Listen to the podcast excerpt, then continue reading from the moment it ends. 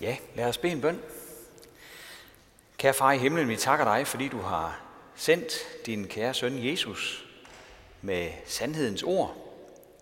Og vi beder om, at vi må lytte til det ord og tage imod det. Så beder vi for alle vegne, hvor dit ord bliver forkyndt, at det må blive forkyndt i sandhed og modtaget i sandhed. Amen.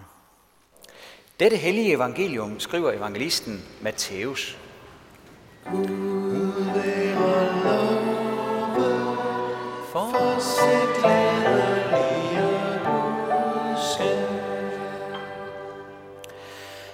Jesus sagde, tag jer i jagt for de falske profeter, der kommer til jer i forklæder, men indeni er glupske ulve.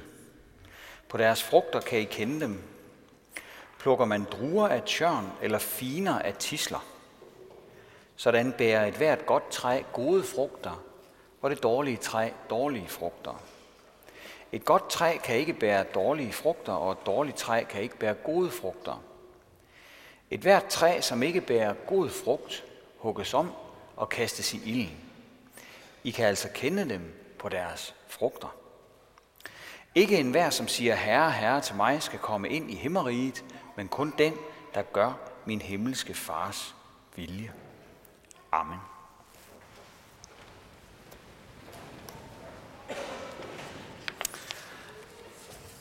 Jeg vil da gerne sådan lige til en begyndelse øh, afsløre, at dagens tekst er en af dem, som jeg nok selv var gået udenom, øh, hvis det var, at øh, jeg havde muligheden for det.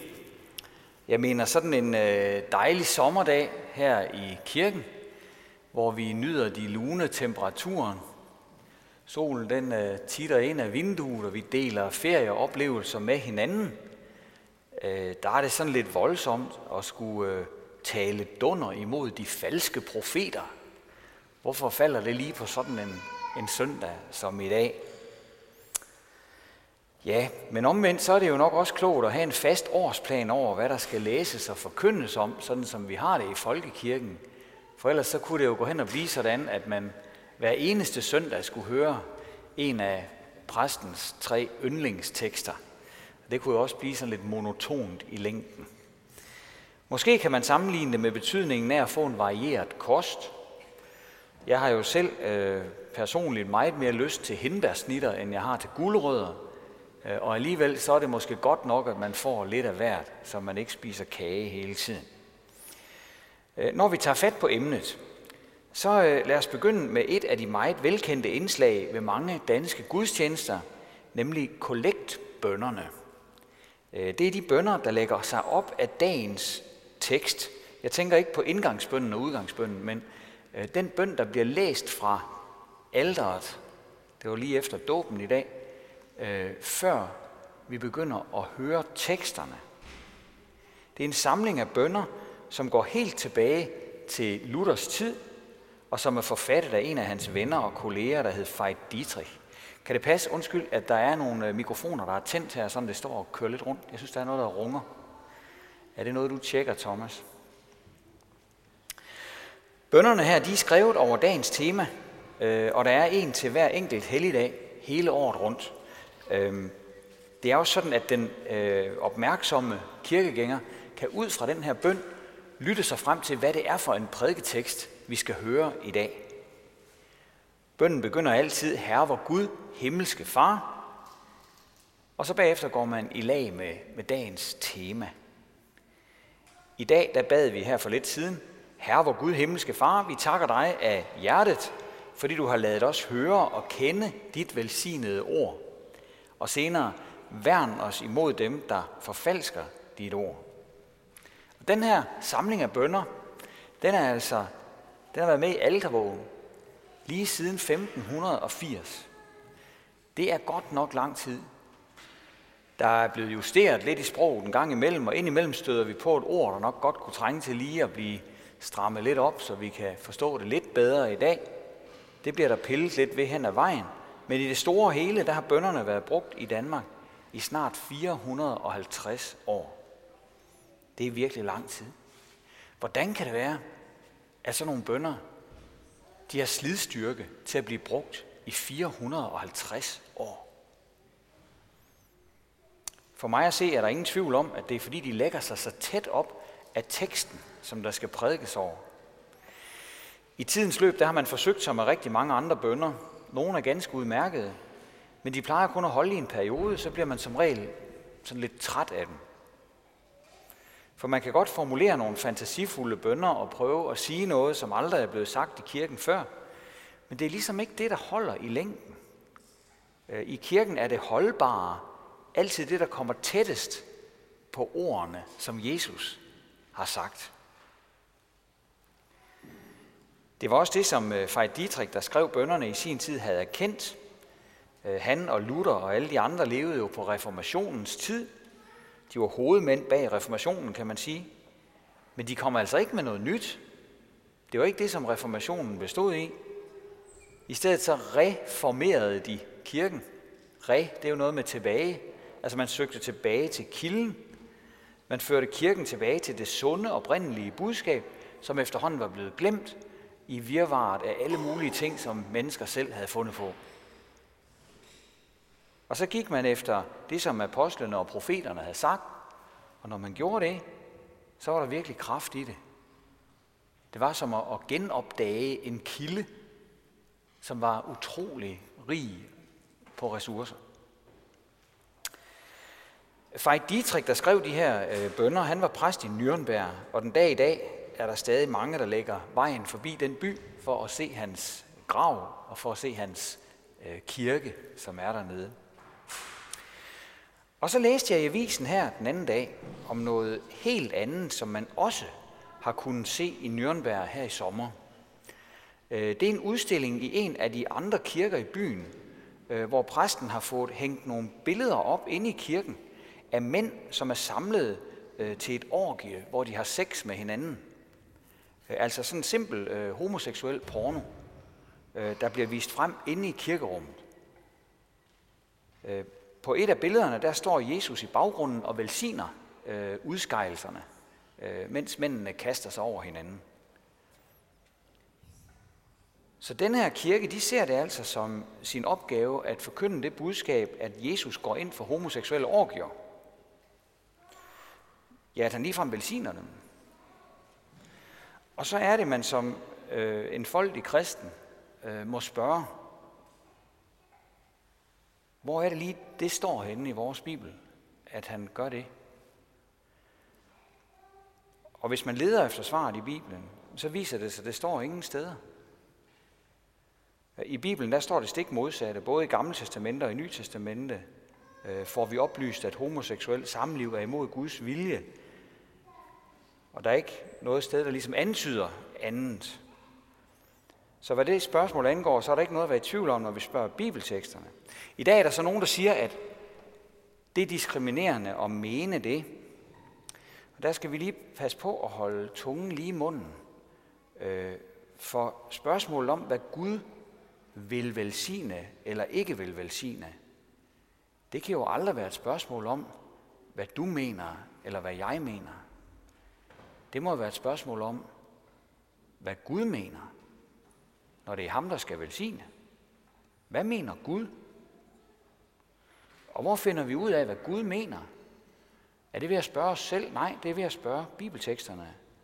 Og der er budskabet altså helt entydigt, at Gud ikke velsigner homoseks, men at han faktisk advarer imod det.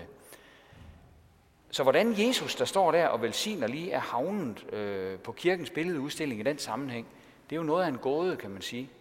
Og så alligevel, fordi Jesus siger jo selv i dagens tekst, at vi skal passe på, der vil komme nogle falske profeter. Altså mennesker, som siger, her kommer jeg med et budskab fra Gud af, men som i virkeligheden bare kommer med deres eget budskab. Det er noget skrammel, når det sker for en profet. For lad os lige repetere, hvad en profet er for noget. Hvis vi går sprogligt til det, så kommer ordet af profero, som betyder at bære noget frem. Et dansk ord for det i dag kunne være en transportør eller transportbånd.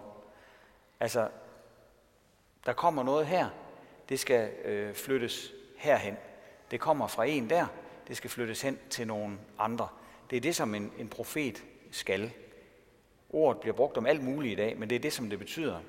Øh, Gud giver et menneske noget, som det menneske så skal bære frem, øh, transportere videre til nogle andre mennesker. Og på den ene side gør det jo profeten meget, meget lille, fordi han skal, han skal bare øh, ligesom flytte det fra den ene til de andre.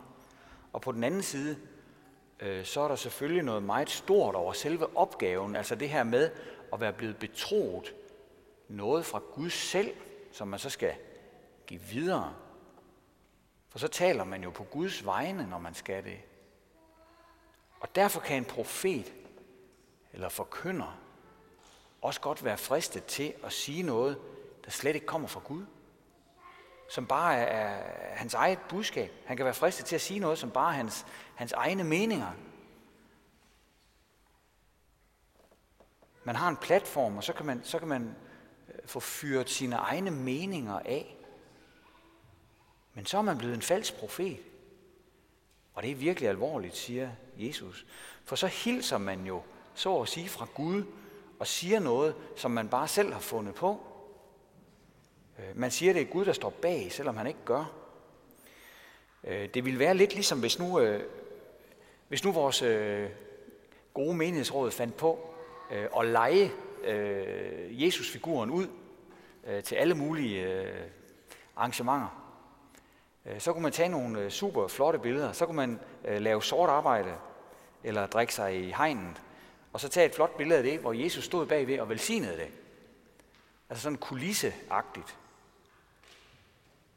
Man kan også tænke på svindel eller dokumentfalsk.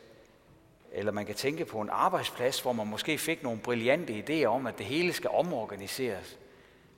Alle tingene skal gøres på en helt anden måde. Så nu går jeg ud til mine kolleger, og så siger jeg, direktøren siger, at nu skal vi gøre det hele på en anden måde. Så vil man hurtigt få øh, store problemer med den øh, direktør. Det tror jeg. I dagens tekst der minder Jesus os om, at de falske profeter, vi vil møde, tit er svære at afsløre. De optræder under dække, siger han. Tag jer i agt for de falske profeter, der kommer til jer i forklæder, men indeni er glupske ulve. Og så siger han, på deres frugter kan I kende dem. Det betyder, at selvom den, der taler, virker enormt from, enormt god og som et sødt lille får, så kan der godt være en, en ulv inde bag ved masken. Får er jo forresten et billede, som Jesus tit bruger om et kristent menneske. Han siger, at han er den gode hyrde, der sætter sit liv til for forerne. Han vogter sine får, siger han. Han leder efter det bortkommende får, og så videre. Så det her med at ligne et får, det kan også betyde at ligne en, der er kristen, men faktisk ikke at være det. Øhm, nu kommer der sådan en utrolig flink fyr øh, ned fra Nürnberg og viser os et billede af Jesus, der velsigner et homoseksuelt orgie. Er vi så ikke nødt til at tro på ham? Han kommer jo i, øh, i øh, præstetøj og alt muligt. Og han er bare så flink, mens han fortæller om det.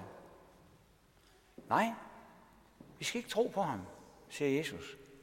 For vi skal ikke bedømme ham på det ydre, vi skal bedømme budskabet. Og noget af det, vi skal have fat i i dag, det er, at det er utrolig vigtigt, at man som kirkegænger kan skelne imellem sandhed og løgn. Der er en gammel øh, salme, hvor der er en linje, der lyder, Gud fader i det høje, lær mig at skælne nøje det sande fra dets skin, altså det, der ligesom skinner, glimrer, virker som om det er sandt. Hjælp mig til at kunne skelne imellem det, der er sandt, og så det, der bare ser ud som om det er sandt. Og det skal en kirkegænger bede om at måtte kunne. Vi har en meget konkret vejledning om det i Bibelen. Den kommer flere forskellige steder. 1. Korinther 4, der siger apostlen Paulus, hold jer til skriften, så I ikke bilder jer noget ind til gunst for den ene imod den anden.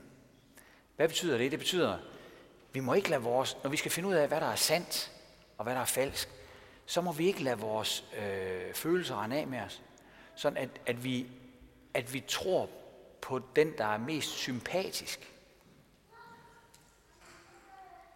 Sådan at det bliver vores øh, øh, varme følelser for den, der taler.